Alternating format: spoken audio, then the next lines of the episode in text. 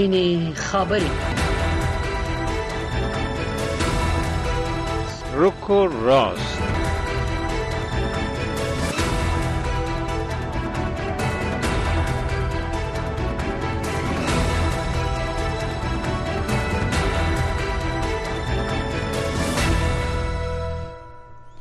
د امریکا غږ آشنا رادیو د سپینې خبرې د پروګرام قدرمنو اوریدونکو ته خراغلاست وایم. خدای دې وکړي جوړ او روغ اوسئ.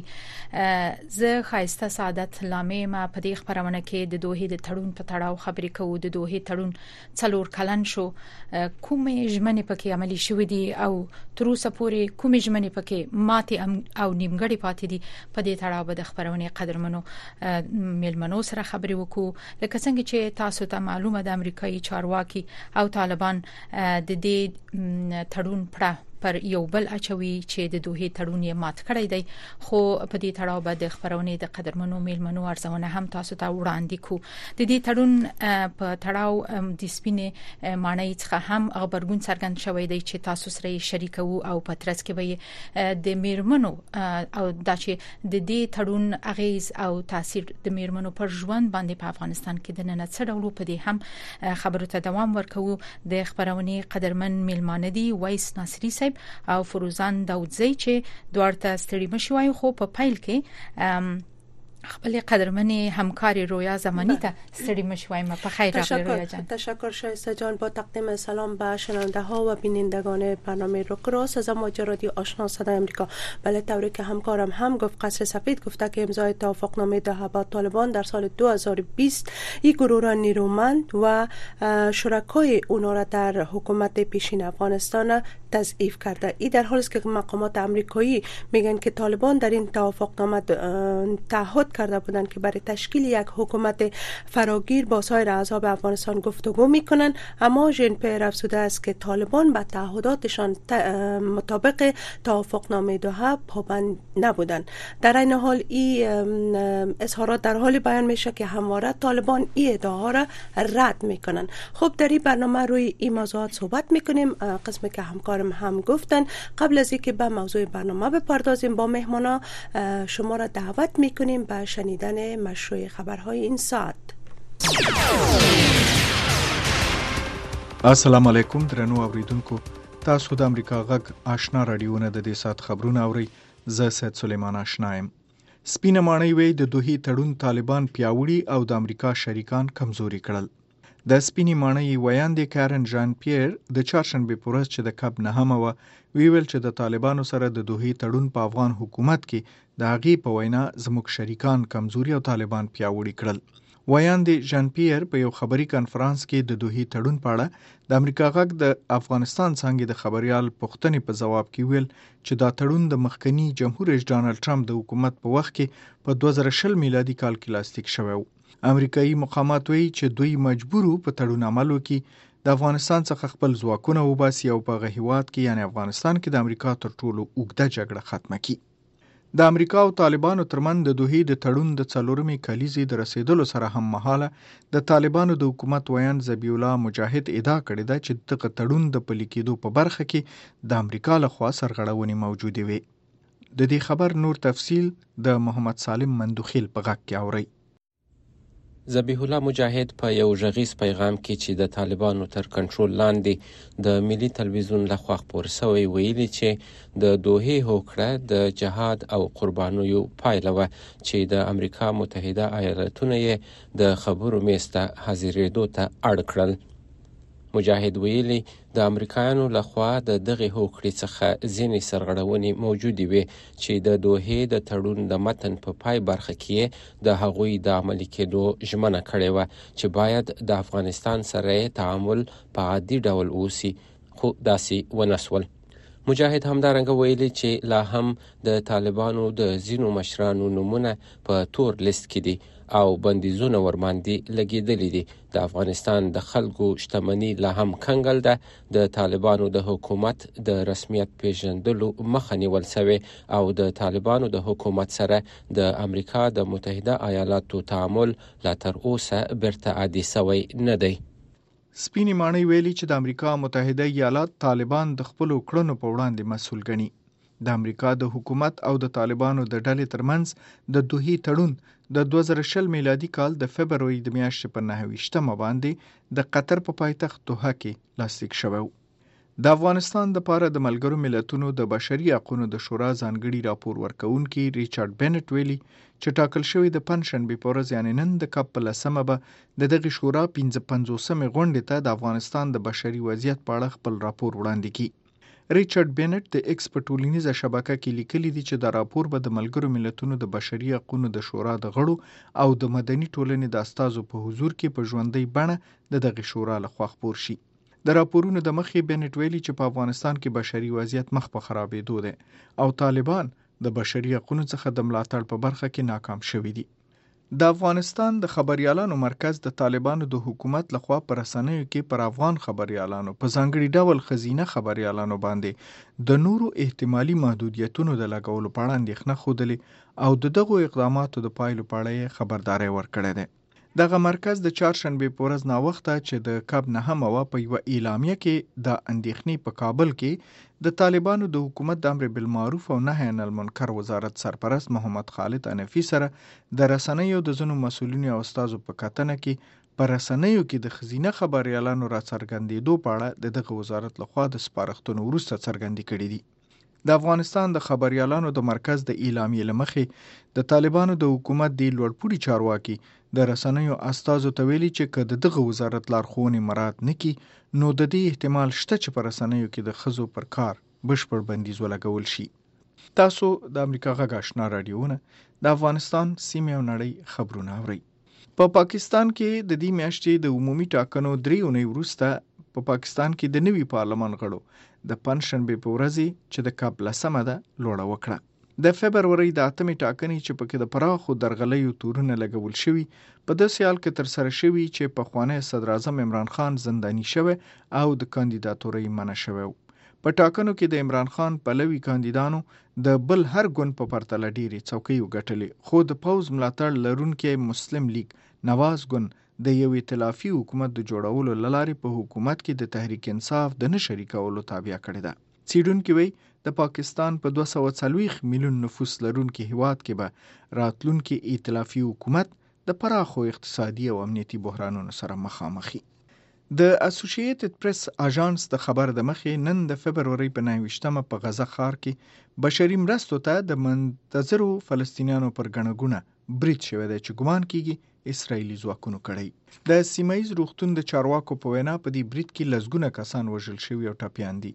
د شفا په نوم روغتون د نرسانو څانګې مشر ډاکټر جاد الله شافعي الجزیره ټلویزیون ته ویلي چې په برید کې شاوخوا 50 تنه وژل شوي او 250 نور زخمیان دي اسرایلی پوځ ویلي چې د پیښې په اړه خبره شوی راپورونه څېړي. بلخوا یو امریکایي چارواکي ویلي چې په داسې حال کې چې غزې ته د ځمکې لارې د مرستو رسول ستونزمن شوی نو د جمهور جو بایدن حکومت د پوځي الوتکو په وسیله د یادو مرستو پر رسولو غور کوي. او د روسي جمهور رئیس ولادمیر پوتین د پنځشنبه په ورځ خبرداري ورکړ چې لویدیز په اوکرين کې شخړې تلمن ووهي د اټومي جګړې واقعي خطر به رامنځته کړي ملت ته په خپلې کلنۍ وینا کې پوتین وویل چې سرتیری په اوکرين کې پرمختګ کوي. هغه دا خبرداري هم ورکو چې که هر هیواد اوکرين ته د سرتیرو لیږلو جرأت وکړي د ناوړه پایلو سره به مخامخ شي. د پوتین دا وینا په ښکارا د فرانسې د جمهور رئیس ایمانوئل ماکرون هغو څرګندونو ته خبرګون دي چې دا ونه یې اوکراین ته د لویدیز د عسکرو د لیږلو احتمال رد نکړ خو د اروپا نورو مشرانو په چټکۍ سره کیف ته د سرتیرو د لیږلو احتمال رد کړی دی او د دې سات خبرونه د سپینې خبره خبرونه د سپینې خبرې د خبرونه قدرمنو اوریدونکو ته بیا هم خراغلاست وایو. تاسو د امریکا غاښنا رادیو لاره د دې سات مهم خبرونه واوریدل. مونږ به د ژمنې سره سم د خبرونه د موضوع په نظر کې نیول سره د دوه د تړون د بیلابلو ژمنو څرنګواله د خپل قدرمنو میلمنو سره ورزو او د هغوی نظر به پیرا واخلو یو ځل بیا یادونه کوم د خبرونه قدرمن میلمانه دي وایس ناصری صاحب چې د سیاسي چارو شنونکې دی او همدارنګه اغلی فروزان داودزی هم موږ سره په دې خبرونه کې ده چې د سیاسي چارو شنونکې او ارزمونکې ده دوی ته خراغلاست وایو. رویا جان تاسو مهرباني. آقای وایس آواز ما را میشنوین سلام بر شما عرض سلام ادب دارم جهان سپاس بانو زمانی خدمت شما همکار شما و همکاران تخنیکی و میمان برنامه. بله من صدای شما دارم. خانم دوزه شما را هم به برنامه خوش آمدید میگیم. زنده باشین. بسم الله الرحمن الرحیم. خدمت شما و مهمان گرامی سلام. و خدا کنه موفق و کامیاب باشین ډیره مننه د دواړو نه کور ودان بیا هم تاسو ته ستړي مشي وایم یو ځل مخکې لدی چې مونږ په خپل خبرو پایل وکړو دوه مهمو خبرګونونو تاسو تاسو پام راګرځوم. یو د طالبانو لخوا خبرګون دی او بل هم د سپینې مانۍ لخوا خبرګون د امریکا د متحده ایالاتو او د طالبانو ترمنځ د دوه د تړون د څلورمې کلیزې د رسیدو سره هم مهاله طالبانو په دې تړاو خپل خبرګون خودلې دی. د حکومت ویان زبی الله مجاهد ادعا کړې ده چې د دغه تړون د پلي کېدو په برخه کې د امریکا د متحده ایالاتو لخوا سرغړونې موجود دي او نیوکه کړې دي. زبی الله مجاهد په یو غږیز پیغام کې چې د طالبانو تر کنټرول لاندې د ملي ټلویزیون لخوا خبر شوی دی ویلي چې د دوه هوکړه د جهاد او قرباني او پایله و د دې ترڅنګ امدارنګ د سپینې مانۍ ویان دي پرون د سپینې مانۍ ویان دي کارن جان پیر د د یو خبري کانفرنس په ترڅ کې د امریکا غږ د خبريال د پښتنې په جواب کې ویل چې د دوه تړون په افغان حکومت کې زموږ شریکان کمزوري کړل خو طالبان یې پیاوړي کړل. یعنی په یو اصطلاح دوی ته وخت د رسیدو لپاره زمينه برابر کړه. رویا جان غواړي تاسو لمړی پوښتنه وکړئ؟ بفرمایئ شایسته جان. یله کوم مننه. نو لمړی پوښتنه به د اغلی داوودزی نو کوم اغلی داوودزی تاسو په دې برخه کې تاسو ارزونه څه د په داسې حال کې چې ټول خواوي پړه په یو بل اچوي طالبان وایي امریکا خپل ژمنې نه دي پر ځای کړې او متحده ایالات وایي چې طالبان په هغه ژمنو کې چې په خاصه توګه د بشري مرستو بشري حقوقو همدارنګه د میرمنو د کار او د جنونو د تعلیم مسایل دي په خپل ژمنو کې پاتې راغلي دي. ستاسو ارزونه په دې برخه کې څه ده بسم الله الرحمن الرحیم هر څنګه د مخه تاسو ته محترم ملمت محترم اوریدونکو ته خپل سلامونه وړاندې کوم البته د دوه تړون په تاسف سره ویل شم چې هغه تړونو چې نن ورځ افغانستان او خصوص افغان خزه او افغان ټولنه زغمي ځکه کله چې کې هم دغه تړون جریان درلود یا دغه مجالس باندې ناس کې د الته د افغان ملت غوښتنه دا و چې دغه نشستونه باید سلیقې په شکل نه او د هغه کسان اشتراک وکړي چې هغه د افغانستان د آینده حق لا باید خبرې وکړي.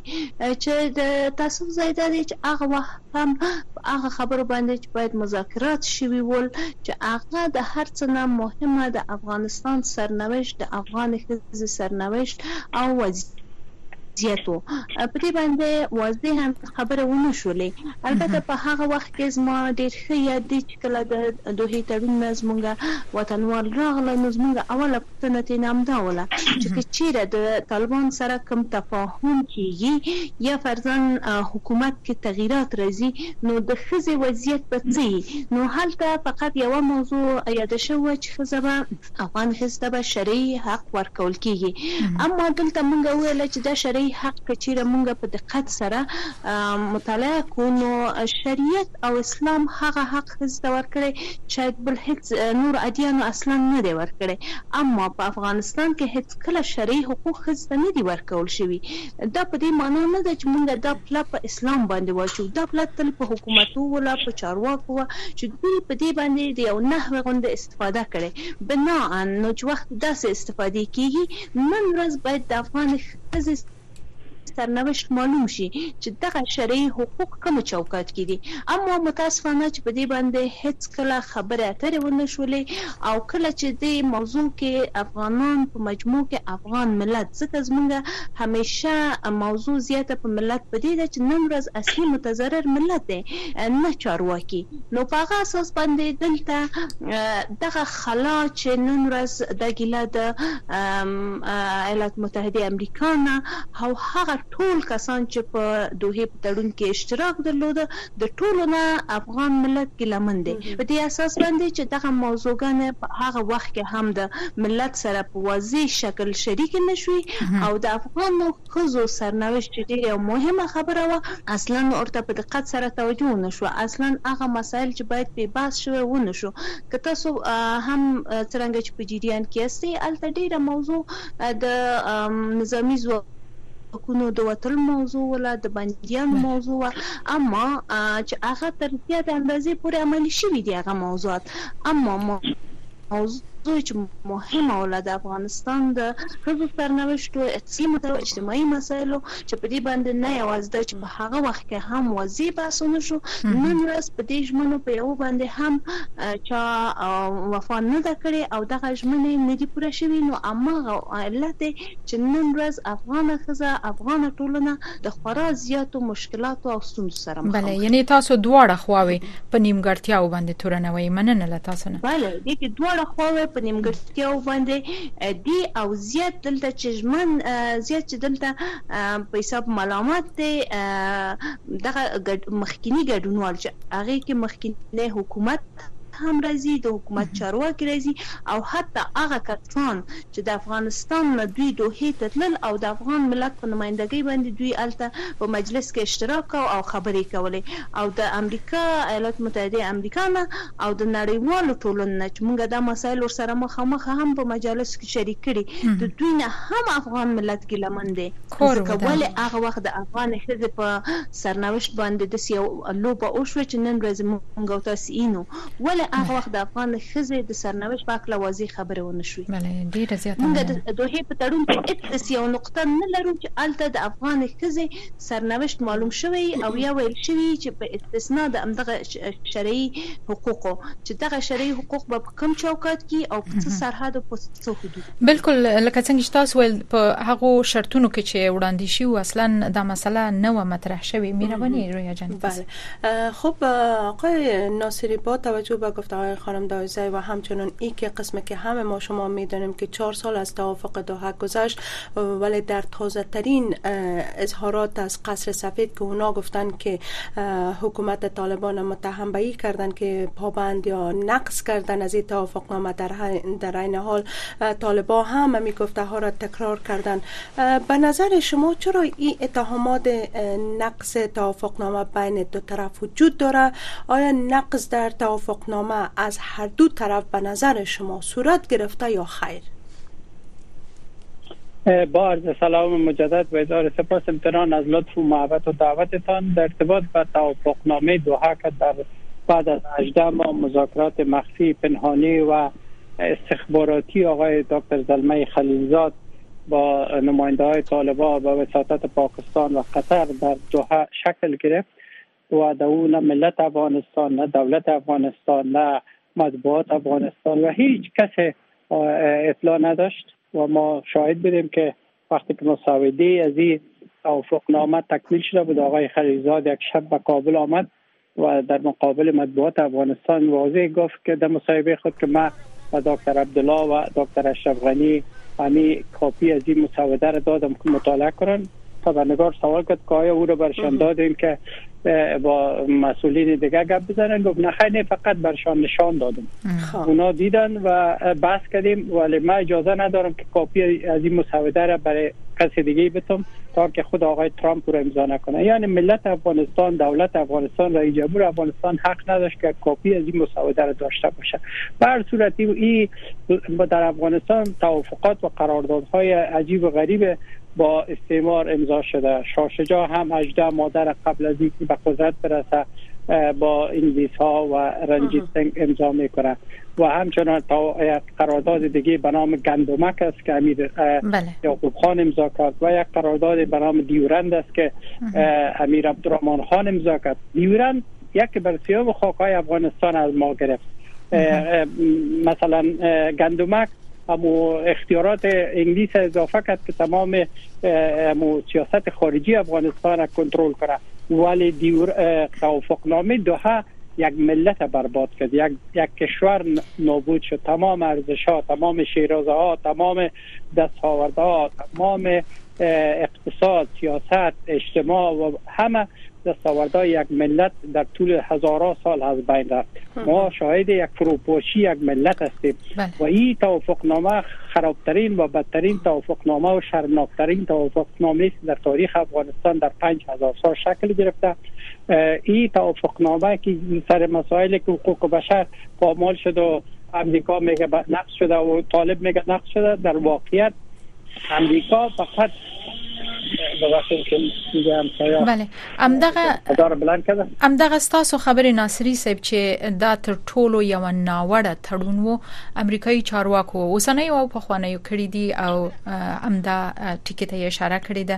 خو بل پښتنه دا کې دی شي چې اوس تر دې وړاندې څه باید وشي. په همدغه نیمګړتیاو کې په خپل افغان ولس هم چې تاسو ویل چې قرباني ورکړي او دړې وړ شول دوی هم پکې شامل دي تر اوسه پورې په خپل د افغانانو ترمنځ هم سیاسي اجماع نه ده موجوده.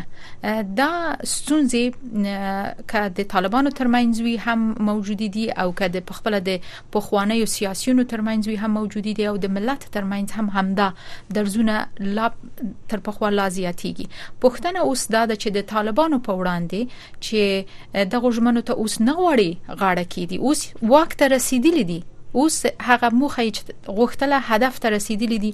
نو د دوی په وړاندې څه ډول یو دریز باید غوړه شي د نړیوال ټولنې لخوا آیا دا باید یو سخت میکانیزم وي چې په نتیجه کې به اغیز پر افغان ولس باندې ډیر ناوړوي بیا هم دوی به رنز وګالي؟ او که نرم دریز به باید غوړه شي؟ تاسو ارزونه په دې برخه کې څه ده ببینید طالبا به اساس امی توافقنامه تمام قدرت سیاسی نظامی و تمام امکانات افغانستان به دست آورد و به گفته آقای ترامپ که گفت که جو بایدن هفت میلیارد سلاح دست نخورده ما را برای طالب ها رها کرد. چرا؟ چرا افغانستان فرارگونت و شرمناکترین روز روز خروج امریکا بنان وقتی که آدم متوجه میشه وقتی که طالب به این اندازه برایش همه قدرت و همه امکانات داده شده و 4 میلیون 8 میلیون دلار در روز برش داده میشه. بنان طالب ها به اساس امی دسیسه که در دوحه شکل گرفته قدرتمندترین یک یک, یک گروهی است که بر افغانستان حاکم شده. طالب هیچ ضرورت برای تقسیم قدرت نداره. بنابراین ای که ما با او نرم عمل کنیم یا سخت عمل کنیم فعلا اگر اجماع سیاسی در افغانستان شکل گرفته یا نگرفته من پیشتر گفتم که بعد از توافقنامه و سقوط رژیم جمهوریت شیرازی یک ملت هزم پاشیده یک دولت نه بلکه یک ملت هزم پاشیده. تمام عرصه های یک ملت که اقتصاد است سیاست است فرهنگ است تعلیم و تربیه هست سازمان های سیاسی هست جریان های سیاسی هست شوراها نهادها خلاصت مطبوعات آزاد همه و همه چیزی که در یک جامعه یک جامعه را شکل میده در افغانستان حسن فرو پاشیده و در تمام عرصه ها ملت افغانستان بدبخترین ملت تاریخ است. بنابراین ما طالب با یک تفکر افراطی تفکر قرائت تند مذهبی با حمایت از گروه های ترور و تروریسم و خشونت اینا به قدرت رسیدن و امریکا همین می‌خواست. که همت یک گروه باید در قدرت باشه که گروه کشورهای منطقه و رقیب ما در آسیا مصروف نگاه کنند بنابراین این یک یک دسیسه کلان امریکا و خیانتی بود که با ملت افغانستان کرد و طالب فعلا در موضوع از این است که با کسی تقسیم قدرت کنه بله. مشارکت سیاسی کنه و حقوق بشر را مراد کنه. با اینمی تفکر خود می‌تونه تمام کشورهای دیگر از زیر تاثیر خود بیاره. و با روش طالب کشورهای آسیای میانه پاکستان و تمام کشورهای منطقه در خطر است که به خاطر که صدور انقلاب است صدور افراطیت است صدور تروریسم و امریکا با این فرار و این خلای امنیتی که ایجاد کرده آگاهانه در دوحه قدرت برای طالبا داده و طال... بله. هم ایده ای توافقنامه چیز نقص نشده بله. چیز امریکا بله امدانی وکي د امریکا په کانګرس کې هم د مایک مکال تر مشرۍ لاندې د تحقیقات په ترڅ کې هم کیږي د جو بایدن پر مشرتابه باندې په هغه طریقه چې دا سرتيري راويستل شول نیوکه کیږي په دې اړه هم تحقیقات روان دي او موږ هم استماعي غونډې پوښتنې او ځوابونه اورو. بالکل رویا جان تاسو مهرباني از خانم دادزای ایرم میخوایم در بخش برنامه بپرسم که اونا از این یادآور شدن که در جریان مذاکراتی که در دوحه در سال 2020 صورت گرفت خانما نقش داده نشده بودن خب گزارش ها می رسند که این مذاکرات و گفتگوها در او سال پشت درهای بسته بود. ای که علتش که اطلاع رسانی درست نمی‌شد توسط زلمه خلیلزاد ایره هم می‌پرسیم. اگر ایره بگوین خانم دازه که شما چی فکر می‌کنین که چرا آقای خلیلزاد به صورت علنی از جریانات توافق دوحه و می مذاکراتی که در سال 2020 بین امریکا و طالبان صورت می گرفت اطلاع رسانی درست نمی کرد. در کجای جای خالیگاه بود یا نقص بود یا منفعت خود اونا بود که به صورتی که باید اطلاع رسانی می شد اطلاع رسانی نمی شد. اینجا موضوع عمدهی بود قسمت برادر ما هم اشاره کردن. ایره با وضاحت در سخنهای خود گفتن که حکومت جمهوریت یک حکومت غلام حلقه گوش بود. یعنی یک حکومت مستقل نبود. یک حکومت نبود که اونا با یک فشار از زلمه خلیزاد پرسان کردن که چرا ما به عنوان یک حکومت مستقل به این موضوعی که موضوع سرنوشت افغانستان است دخیل نیستیم. چون امو وقت هم ما بیاد دارم مجالس دوحه که صورت گرفت در قدم اول انتقاد ملت ای بود. کسایی که در مجلس دوحه اشتراک می‌کنن باید نماینده واقعی افغانستان باشه. که متاسفانه همگی از به ارتباط تنظیم و به ارتباط امو حلقه فاسده که دور ریاست جمهوری را احاطه کرده بودن یا خودشان بودن و یا اعضای فامیلشان بود. که اونا فقط به عنوان ازی که به شکل یک تفریح می رفتن و در مجالس اشتراک می کردن و پس می آمدن هیچ نوع گزارش و هیچ نوع راپور را با ملت شریک نساختن وقتی که موضوع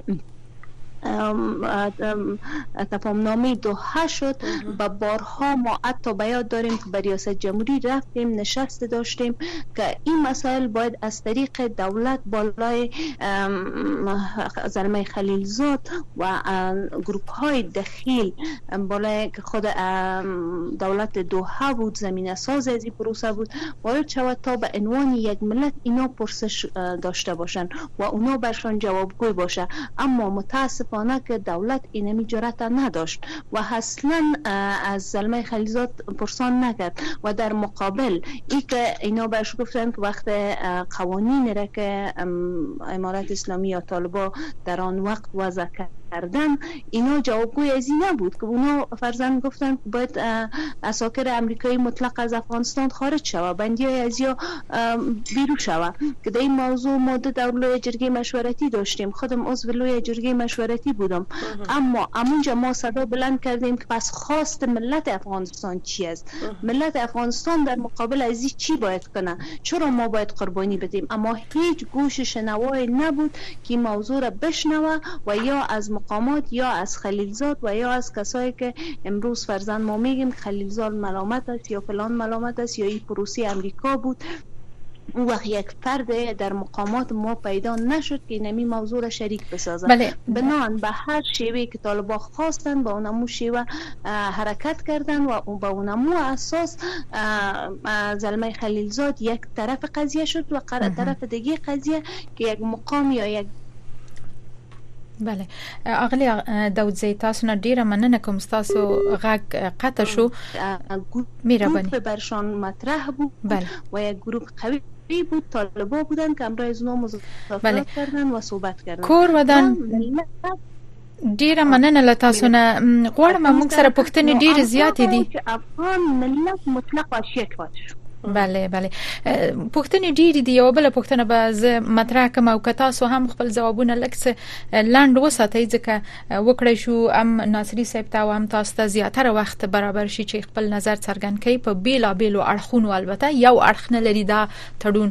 د دې ترڅنګ چې په خوانی تړون لومړی تړون چې همدا نن ورځ د فبرवरी په 9 څلور کال د مخد لاسلیک شو د دین وروسته هم په دوه کې د هماغه لومړی تړون دی ژمنو د پوره کېدو د پټینګار باندې البته غونډه تر سره شوې. دا ورسته یې په 13 او 19 تاریخ باندې و چې په دې کې هم طالبانو برخه وانه خسته آیا د ملګرو ملتونو د ځانګړي استاذي ټاکل چې هم په دې غونډه کې مهم یو اصل ګڼل کېده چې دا کوم ځای ته ونه رسید او دوی ویل چې هم دغه غونډه ته به دوام ورکړي آیا تاسو فکر کوئ چې د دې ځانګړي استاذي ټاکل کېدل په دې معنا ده چې یا داسې تعبیریږي چې امریکا به د دې تړون نور لاس اخلي او دا مسله د افغانستان د ستونزو او د افغانستان د بشري حقوقو د میرمنو او د جنونو د ټوله مسله به ملګرو ملتونو ته ورسپاري؟ بله البته کېدې چې زه ورته جواب وایم مهرباني وکړئ 嗯、哦。دا موضوع په دې معنی نه ده چې دوی به ټول مسولیت ملګر ملتونو ته ورسپاري او ملګر ملتونه به په دې باندې قادر دي چې د دې مشکلاتو فعلی مشکلاتو لپاره به د حل لار پیدا کړي. مخکې یو موضوع چې دا شو چې طالبان نه غواړي د چا سره مذاکرات وکړي. نن ورځ متاسفانه په افغانستان کې موږ داسې بدیل نه لرو چې هغه ملت هغه تر شا ودرېږي او هغه یو بدیل په عنوان باندې رامخته شي او د طالب سره مذاکره وکړي او طالب دغه مذاکرات ومني. که زمونږ تیر سیاسون دي هغه نن ورځ هم ار یو په انفرادي شکل باندې د خپل نفع په اساس باندې یو خبره کوي. یک فرزند خارج د افغانستان نه دوی ټولنه یا غونډه جوړي الته اولینه موضوع چې دوی په نظر کې نیسي خپل شخصي منافع. خپل هغه منافع چې دوی بیا څنګه کولای شي قدرت ته ورسیږي. اما د ملت درد دا شی نه دی. د ملت درد نن ورځ غټرین مشکل هم دی چې افغانستان د یوې تیاری خو روان دی. افغانستان د یو جهالت او یو بدبختی خو روان دی. بل خوانه د افغانستان جغرافیایي وضعیت سبب د دې کیږي چې د افغانستان مشکل مشکل یوازې د افغانستان مربوط نه کیږي بلکې افغانستان مشکل هغه موضوع ده چې نن ورځ امسایګه امسایه ملکو ته او حتی منطقې ته کې د شي متضرر مضر واقع شي. نو په دې اساس باندې موږ داسې یو ګروپ یا داسې یو ټولنې ته ضرورت لرو چې هغه واقعا متشکله د ملت د افغانستان نه او دې سکه دغه مسولیت بین مللي نهادو ته یا نماته ورسپارل کیږي خو تاسو ول چې بدیل نشته نو بله کور ودان تاسو ول چې بدیل نه ګورو وایس ناصری صاحب ته ورشو تاسو په دې برخه کې څه نظر لري ک بدیل موجود نه وي نو همدا تیاره دوره د دوام وکي د دې معنی همدا ده چې نور هیڅ څوک لاس په کار نشي در ارتباط با نشست دوحه دو نشستی که از طرف سازمان ملل متحد دایر شد او هیچ ارتباط با نشست های آقای خلیلزاد در 18 ما در عقب درهای بسته با طالب ها نداره مذاکرات دویی که امریکا با طالب ها مستقیما انجام داد تسلیمی افغانستان به طالب بود و خروج امریکا بود با موافقات بود که تا به امروز انجام میشه و به حساب روس و چین و ایران و پاکستان و کشورهای آسیای میانه و همه گیرم مصروف خود ساخته. ولی در ارتباط به نشستایی که امروز دایر خب آقای ناصری بسیار بخشید پیش از که بپردازین به بخش دوم شما چی فکر می‌کنین؟ پس در صورت که این 18 19 ما مذاکرات صورت گرفت پشت درهای بسته پس بعد تداوم همین مذاکرات مذاکرات دیگه که در دوحه و مسکو و ایران جایا پاکستان دایر میشه در مورد افغانستان. بعض اوقات نماینده امریکا هم در او اشتراک می‌کنن. نماینده امریکا فعلا نماینده طالبا هست. آقای توماس وست حتی خانم رینا امیری به نفع طالب لابیگری می‌کنند. ما شاهد هستیم که امریکا روزانه 8 میلیون دلار برای طالب میته امریکا تا به امروز که امروز است دفتر سیاسی قطر تمویل می‌کنند و طالبا در او دفتر هنوز هم من حیث یک دفتر سیاسی خود استفاده می‌کنند در حالی که طالب دولت است طالب سفارت افغانستان در قطر پیش خود داره. و او دفتر چرا از طرف کی تمویل میشه؟ در 2010 امریکا ایجادش کرد و تا به امروز او را کی تمویل می‌کنه؟ بنابراین امریکا بازی می‌کنه با افغانستان و مردم ما و این مذاکرات را که گوترش پر انداخته و حقوق بشر میگه و نماینده سیاسی میگه و می‌خواه که یک تغییر سیاسی در افغانستان بیاید او چیزی نیست که امریکا فعلا طالب ها امریکا به این نظر است که طالب تاریخش نگذشته و از تاریخ طالب باید استفاده شود. چیزی را که میمان برنامه خانم داوزایی ما با او موافق نیستم که طالب بدیل نداره طالب ها از پنج نفر ملت افغانستان کسی خانم و دو مرد بودی که نمایندگی از افغانستان می‌کرد یا نمی‌کردی که موافقه و مشخصات از که چطور اونا انتخاب شده فکر کوي نو بدیل بدیل به څوک وي او څنګه به وکړای شي چې د دومره مخالفتونو ترمنځ یوې موافقه ته په سولهیزه بڼه ورسیږي. امریکا غواړي چې د افغانستان د خاورې نه نور هیوادونو ته البته امنیتي ګواښ پېښ نشي. نړۍ وايي بشري حقوقونه باید په افغانستان کې د نن خوندي وسی او او په خپل افغان ولس او خلک خلک وایي چې زموږ حق باید زموږ د لپاره تضمین شي او تعلیم ته او کار ته موږ حق ولرو. دا دومره مخالفتونه خو بیا د طالبانو غوښتنه څه ده؟ طالبان وایي چې موږ ته د هغه او میلیارډ ډالر چې په امریکا کې د افغانستان شتمنۍ او دلته کنګل شوې ده هغه د بیرته افغانستان ته ورسپارل شي او او د دوی حکومت د رسمیت وپیژندل شي. په داسې حال کې چې غوښتنې دومره ډېر دي او مخالفتونه دومره ډېر دي نو دغه بدیل ته څنګه د حل لار موندل کېدای شي سي ببینیم در توافق نامه دوحه جای بحث امنیت جهانی و امنیت تمام کشورها مطرح نیست. تمام توافقنامه به این میچرخه که طالبان تعهد می‌کنند که بر ضد منافع امریکا و متعینینش از خاک بله. افغانستان استفاده نمیشه و هیچ کس استفاده تمام بحث بحث منافع امریکا است نه بحث منافع کشورهای اسلامی بحث منافع چین او روسیا او هند او پاکستان زما پښتنه بل څه و زما پښتنه د امریکا منافع نه و ناصری صاحب زما پښتنه دا و چې د حل لار څنګه وموندل شي د همدغه د بدیل خبره تاسو وکړه دغه بدیل ته تاسو څنګه زمينه برابروي تا زمانی که امریکا از طالب ها حمایت کنن حمایت علنی و غیر علنی تا زمانی که دفتر سیاسی قطر امریکا تمویل کنه تا زمانی که تمام رهبران طالب ها آزادانه سفر کنند به هر جای تا زمانی که تحریم های واقعی به طالب نبه تا زمانی که فشارهای سیاسی نظامی و اقتصادی بر طالب نبه تا زمانی که جلو تمام فعالیت ها بر ضد طالب گرفته شود متاسفانه طالب ها به قدرت هم باقی میمانند قویتر هم میشن و در بازی های بسیار پیچیده منطقوی و جهانی از اونها استفاده میشه. و حتی احتمال هم داره که به زمینه به رسمیت شناختنشان مثل که به قدرت رساندنشان نکردن به رسمیت شناختنشان هم امریکا زمینه سازی کنه. ولی ملت افغانستان بیشتر سوالی بود که بدیل طالب کیست؟ بدیل طالب ملت افغانستان است. پنج نفر از جامعه مدنی را طالب نتونست تحمل کنه. و شرط گذاشت اینا نباید باشه ملت من نماینده های مردم هستم در حالی که آقای گوترش گفت نخیری ما آگهی کار قبول کنیم ملل متحد ارزش خود از میته ولی من میگم که ملت افغانستان شما ما بانو زمانی خانم داوزی و تمام ما فریاد و صدای ملت هستیم و طالب از ملت میترسه صدا میترسه از مقاومت مخالفت. ای که سیاسیین گذاشته خوب بودن بد بودن. طالب هم یک تولید نو یک پارسال جدید نیست. اونمو طالب های دیروز است اونمو رهبران تکراری است اونمو خب بیا هم ناصری ز بیا هم تاسو خبر تر ازم تاسو ول چې د افغانستان خپل ولس او ملت بدیل دی. دغه ملت څنګه د یوې د یو ادرس لارې تنظیم شي مونږ تاسو ګورو چې همدا اوس څومره ډېرې بیلابېل ډلې دي په بیلابېل نمونو اته په خپل میرمنې افغان میرمنې سره یو لاس او په یو د یو چتر لاندې د یوې ایدئولوژي تر فکر لاندې دوی نه دي تنظیم شوي دا ستونزه څنګه حل کوي تاسو هیچ ملت در طول تاریخ و در تمام عرصه جهان امروز یک دست و یک نظر و یک فکر و یک تنظیم و یک واحد نیست. ملت ها تمامش از ملت های مسلمان تا غیر مسلمان از امی امریکای که شما زندگی می‌کنین تا تمام کشورهای اروپایی.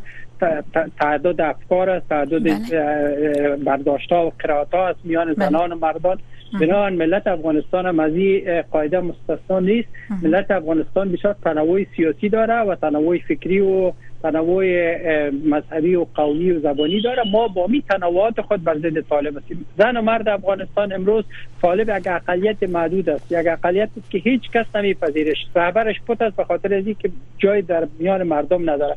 طالب غیر از پنج نفر که از این ولایت در ولایت تبدیل می‌کنه از او او افرادی که صنف 12 را نخواندن در رأس قدرت هستند طالب آیا در پالی طالب در تمام چوکات طالب نظام امارت اسلامی طالبا یک شخصیت ملی و علمی و اکادمی که شما نام بگیرین بگینی آدم در کنار طالبا و این نمایندگی از مردم می‌کنه پشتیبانی مردم می‌کنه و طالب می‌تونسته که شخصیت های ملی علمی و اکادمی که با خود جذب کنه نماینده های اقوام جذب کنه و واقعا شایستگی ملت افغانستان تبارز بده طالب هیچ چیز نیست جز گروه انتحار و انفجار و کشتار و وحشت و بیسوادی و جهل و ناخردی بنابراین این ملت افغانستان با تمام امکانات خود انسجام پیدا می‌کنه. ما در شرایط تدوین یک شرایط عینی و ذهنی برای مبارزه هستیم. در هر انقلاب در هر تحول در هر شکست بعد از یک مرحله انسجام سیاسی شکل می‌گیره. امروز آیسته صدا و فریاد ملت انسجام پیدا کرده و طالب امی که در دونیم سال هیچ کس حاضر نیست باش رسمیت بشناسیش قبولش کنه چوکی افغانستان برش بده. به نماینده افغانستان در سفارتش قبول کنه. حتی چینی که سفیرش قبول می‌کنه یک سال بعد اعلان می‌کنن که ما دولت طالبان رو به رسمیت نمی‌شناسیم و نماینده چین میگه تا دولت متنوع دولت میانره و دولتی که حقوق بشر مراد کنه ایجاد نشه چین با کابل به رسمیت نمی‌شناسه بنا طالب شکست خورده. طالب نه مشروعیت ملی داره نه مشروعیت بین‌المللی. اعضا جریان ها شخصیت ها زن و مرد افغانستان با صدای خود و فریاد خود انسجام ببخشند. نه به شکل که در یک چوکات در یک بله. تنظیم و در یک اتحادیه و در یک به حساب یک ائتلاف کلان اینا شکل بگیرن بلکه هر کس به جای خود مبارزه خود می‌کنه بله. وقتی که روسا وقتی به یک حرف آخر ما وقتی که روسا بله. آمده بود در سر تا سر افغانستان جریان های مختلف تنظیم های مختلف حرکت های مختلف به ضد روس جنگیدن تا لحظه که روس از افغانستان خارج شد. و حکومتشان از بین رفت. من میگم هیچ وقت امکان نداره که ما دارای یک تنظیم شویم. همونطور که در امریکا حزب جمهوری خواه و دموکرات ها و ده ها جریان سیاسی وجود داره. در افغانستان هم این وجود خواهد داشت و این کدام ضعف ملت ما نیست این تقویت ملت ما است برجستگی ملت ماست که تفکرات مختلف در با هم یک جا میشن. همین پنج نفری که در قطر به نمایندگی جامعه مدنی افتاد با پنج تفکر مختلف با پنج دید مختلف قوم مختلف مذهب. مختلف رفتن ولی مننه ناصری صاحب خود هیواد د ګټو د پاره باید دوی یو نظر او یو واحد فکر او اختیار کی. تفکرات تنوع هغه تاسو خبره بالکل پر ځای ده. زه تاسو سره منم. خو د یوې جبهه په مقابل کې یووالی هغه هم یو خاص اجماع ته ضرورت لري چې اوس موږ په افغانستان کې د اجماع نوینو رویا جان مهربانی بله خب تشکر شما. آقای ناصری شما هم تشکر می‌خوایم که سوال از خانم داوزایی رو بپرسیم که اونا بیشتر از عدم موجودیت و حضور زنان در جامعه امروزی و همچنان در مذاکرات اونا یادآور شدن. خب بیشترین آسیب بخشنده دمیر. خب بیشترین آسیب در این مدت متوجه زنا بوده. خب به نظر شما خانم داوزی چی راههایی را باید روی کار گرفته شود؟ از طرف جامعه جهانی به خصوص ایالات متحده امریکا برای بهبود وضعیت زنا بعد از به قدرت رسیدن طالبان که اونا از همه کار پندون رفتن درس خواندن و از اجتماع به دور ماندن. شما چی گفتنی دارین؟ در این مورد تشکر البته یک موضوعی را باید یادآور شوم. یک قسم که پیشتر برادر ما اشاره کردن وقت ما یک موضوع را به عنوان یک ملت تحقیق می‌کنیم یا بررسی می‌کنیم باید تمام ابعادش در نظر بگیریم. تفکر درست است افکار در هر جامعه متفاوت است از آن متفاوت است ادیان متفاوت است اما وقت ما روی اهداف میم اهداف مشخص است.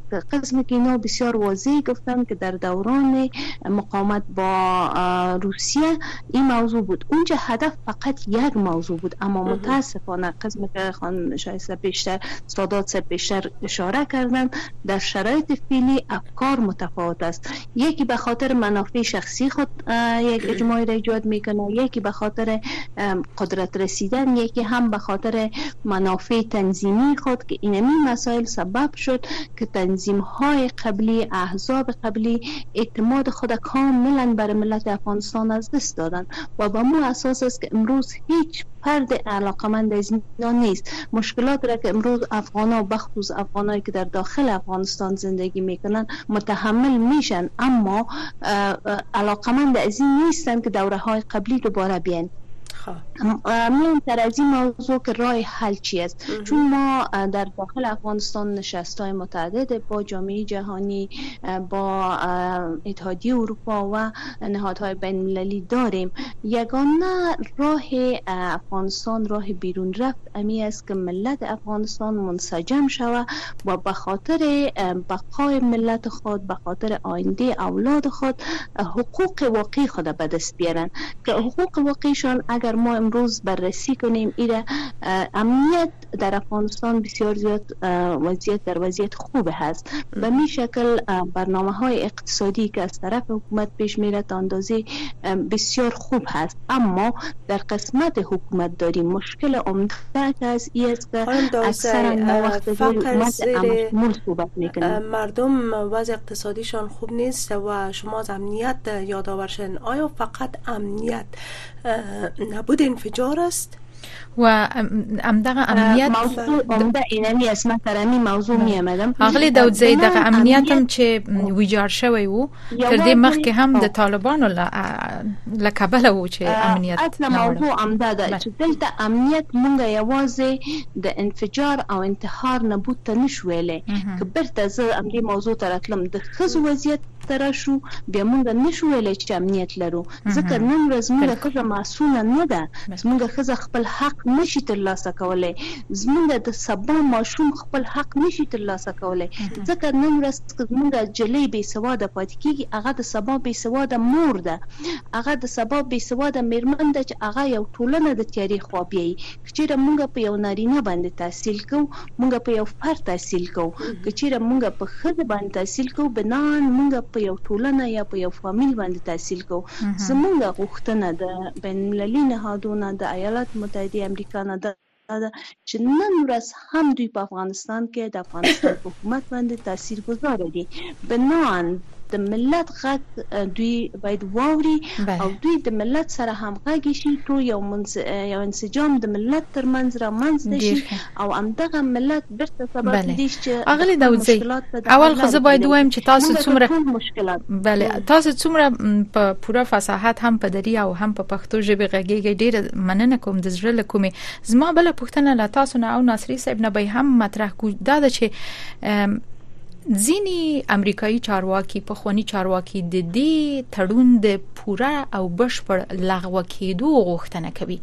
د دې اغیز به پر افغانستان د افغانستان پر خلکو څوي زیان تر ټولو چاته رسیږي او ګټه هم ګټه هم پکې کومه ګوري او کنه ځکه اوس په ملګرو ملتونو کې دا ویل کیږي چې د دوی هڅه ده چې د هماغه تړون ژمنې د راتلونکو غونډو په ترڅ کې طالبان دې ته وهڅوي چې د غوښمنو ته غاړه کیږي ستاسو ارزونه مهرباني دلته مم ډیره عمده خبره دا ده چې د دې تړون جزئیات تر نن پورې د ملت سره نه دي شریک شوي په نام دی موضوع جزئیات چې د چا سره نه شریک شوي موږ څنګه کولای شو په قضاوت وکړو اما داسې موضوعات شته د د تړون تر شا چې هغه کولای شي چې طالبان باندې د فشار راوړي چې دوی باید په خپل حکومت کې او په خپل سیاست کې تغییر راولي چې تغییر په همدې معنا دی چې د ښځو حقوق دي د اطفالو حقوق دي ګوري تاسو ما ویل چې حکومتي برخو کې اقتصادي برنامه باندې کار کیږي دا یو حقیقت دی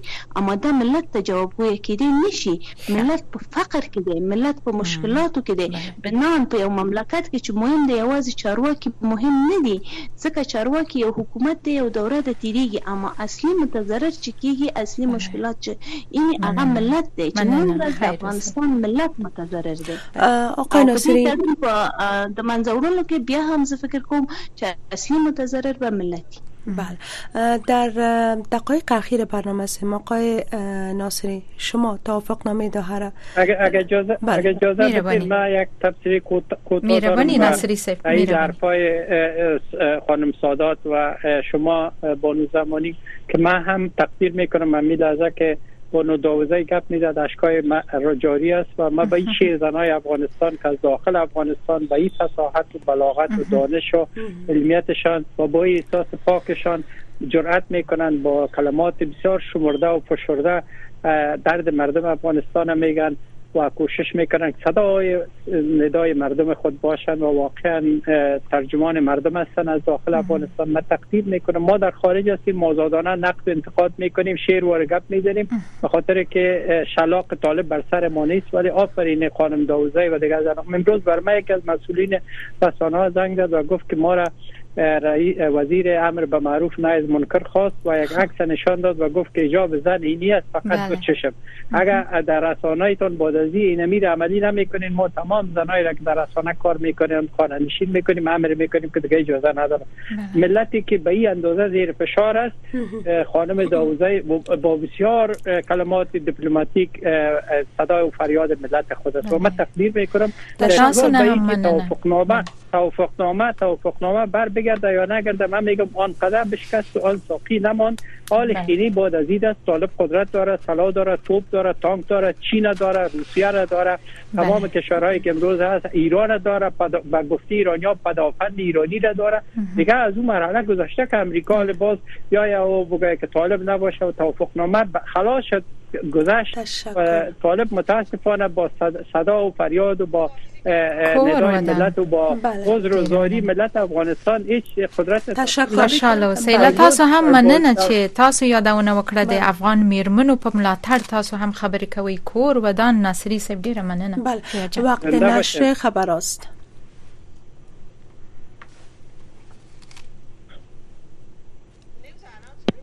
او اوس برا شو د خبرونې په دې برخه کې خبرونو ته چې یو ځای به سره واورو با عرض سلام. احد عزیزاده هستم از رادیو آشنا صدای امریکا. با آخرین اخبار افغانستان منطقه و جهان تا این ساعت. همزمان با چهار سالگی امضای توافقنامه میان ایالات متحده و طالبان سخنگوی حکومت این گروه می‌گوید که تخطی های از جانب ایالات متحده در تطبیق این توافقنامه وجود داشته است.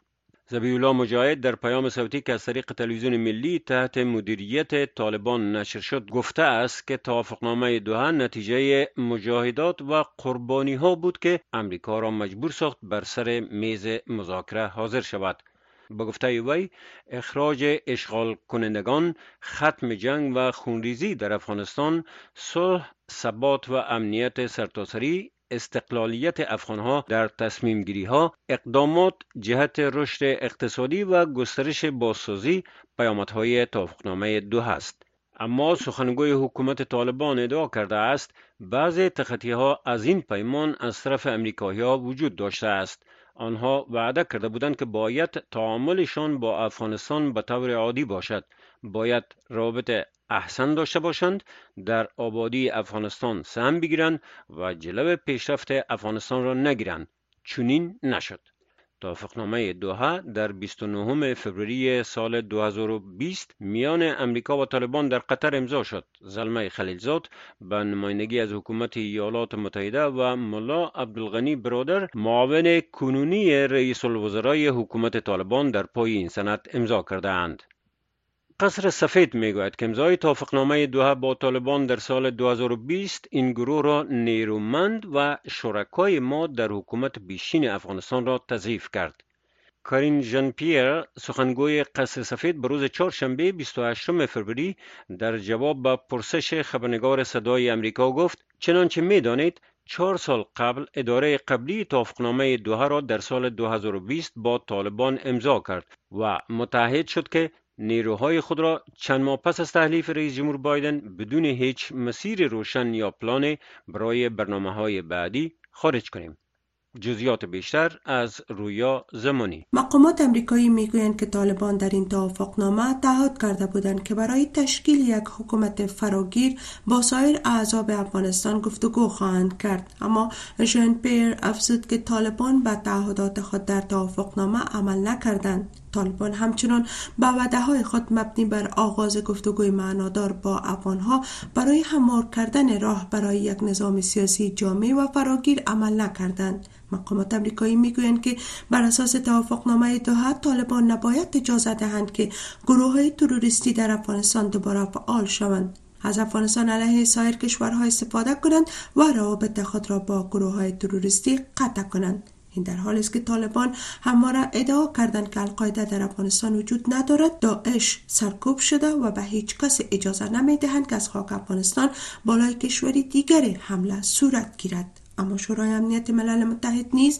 در اوایل ماه دل و با نشر گزارش گفته بود که طالبان روابط نزدیک خود را با شبکه القاعده حفظ کرده و بر اساس این گزارش القاعده هشت مرکز جدید آموزشی را در افغانستان ایجاد کرده است. ریچارد بنت گزارشگر ویژه شورای حقوق بشر سازمان ملل متحد امروز پنجشنبه 29 فوریه تازه ترین گزارش خود را در مورد وضعیت حقوق بشر در افغانستان در 55 مین اجلاس شورای حقوق بشر آن سازمان ارائه می کند. بر اساس گزارش ها بنت گفته است که وضعیت حقوق بشر در افغانستان رو به وخامت نهاده و طالبان در حمایت از حقوق بشر ناکام بودند. مرکز خبرنگاران افغانستان از اعمال محدودیت های احتمالی دیگر برای خبرنگاران افغان به ویژه خبرنگاران زن از سوی حکومت طالبان ابراز نگرانی کرده و نسبت به عواقب این اقدامات هشدار داده است. این مرکز ناوقت چهار شنبه 28 فوریه پس از دیدار برخی از مسئولان و نمایندگان رسانه ها در کابل با محمد خالد حنفی سرپرست وزارت امر به معروف و نهی از منکر طالبان این نگرانی ها را مطرح کرده است. ادامه اخبار منطقه و جهان از رادیو آشنا صدای امریکا. در حالی که متحدان عمران خان صدر سابق زندانی پاکستان به آنچه که ادعا می کنند انتخابات تقلبی است اعتراض کردند اعضای تازه منتخب شده مجلس ملی پاکستان روز پنجشنبه در صحنه آشفته سوگند یاد نمودند حکومت جدید با چالش های از جمله افزایش حملات جنگجویان و کمبود انرژی مواجه خواهد شد و همچنان اقتصاد بیماری که پاکستان را مجبور خواهد کرد که به دنبال کمک های مالی دیگری از صندوق بین المللی پول باشد. حزب تحریک انصاف خواستار برگزاری تجمعات سراسری به روز شنبه شده است. یک سخنگوی وزارت امور خارجه امریکا روز چهارشنبه در واکنش به اسناد افشا شده از صدور احکام غیابی برای تعدادی از روزنامه‌نگاران صدای امریکا گفت که چنین رفتاری از حکومت ایران که در جهان به سرکوب رسانه ها شناخته شده تعجب آور نیست. این سخنگو در پاسخ به بخش فارسی صدای امریکا گفت ما نمی‌توانیم صحت اسناد افشا شده را تایید کنیم. اما ارعاب روزنامه‌نگاران خارج از کشور توسط رژیم ایران و سرکوب رسانه ها در داخل برای جهانیان کاملا شناخته شده است. جمعیت از ها که امروز 29 فوریه برای دریافت کمک های بشری در نوار غزه تجمع کرده بودند ظاهرا مورد حمله هوایی نیروهای اسرائیلی قرار گرفتند که در نتیجه آن ده تن کشته و زخمی شدند. اردوی اسرائیل گفته که در حال بررسی این گزارش است. و خبر اخیر یک قاضی شهرک کوک در امریکا حکم کرد تا هیئت انتخابی ایالت ایلونوی این کشور باید نام دونالد ترامپ رئیس جمهور سابق امریکا را از رایگیری ابتدایی این ایالت در 19 مارچ حذف کند. اما این حکم خود را تا اول مارچ به حالت تعلیق درآورد تا به درخواست تجدید نظر فرصت داده شود. پایان اخبار افغانستان منطقه و جهان تا این ساعت از رادیو آشنا صدای امریکا. د امریکا غږ آشنا رادیو د سپین خبرې د پروګرام قدرمن اوریدونکو. د زړه کومې له تاسو نه مننه کوم چې د خبرونې تر دې مهاله موږ سره تاسو ملوي او د خبرونه مو واوریدله او د خپل خبرونې د قدرمنو میلمنو وایس ناصری صاحب او فروزان داوودزی اغلی فروزان داوودزی نه هم د زړه کومې مننه کوم چې په دې برخه کې موږ ته هر ارخیز یعنی ارزونې وړاندې کړې او خپل شننې وړاندې کړې. ډیره زیاته مننه کوم بیا هم. رویا جانې مهربانی د قدرمنو اوریدونکو نه به رخصتی. بله و باید بگوییم که نظراتی که در برنامه گفته شده نظر مهمانای برنامه بود موقف صدای امریکا را منعکس نمی‌کنه. برنامه های رادیو آشنا صدای امریکا همچنان ادامه دارد. با ما باشین. بله شپه ورځم په خیر علامه مل.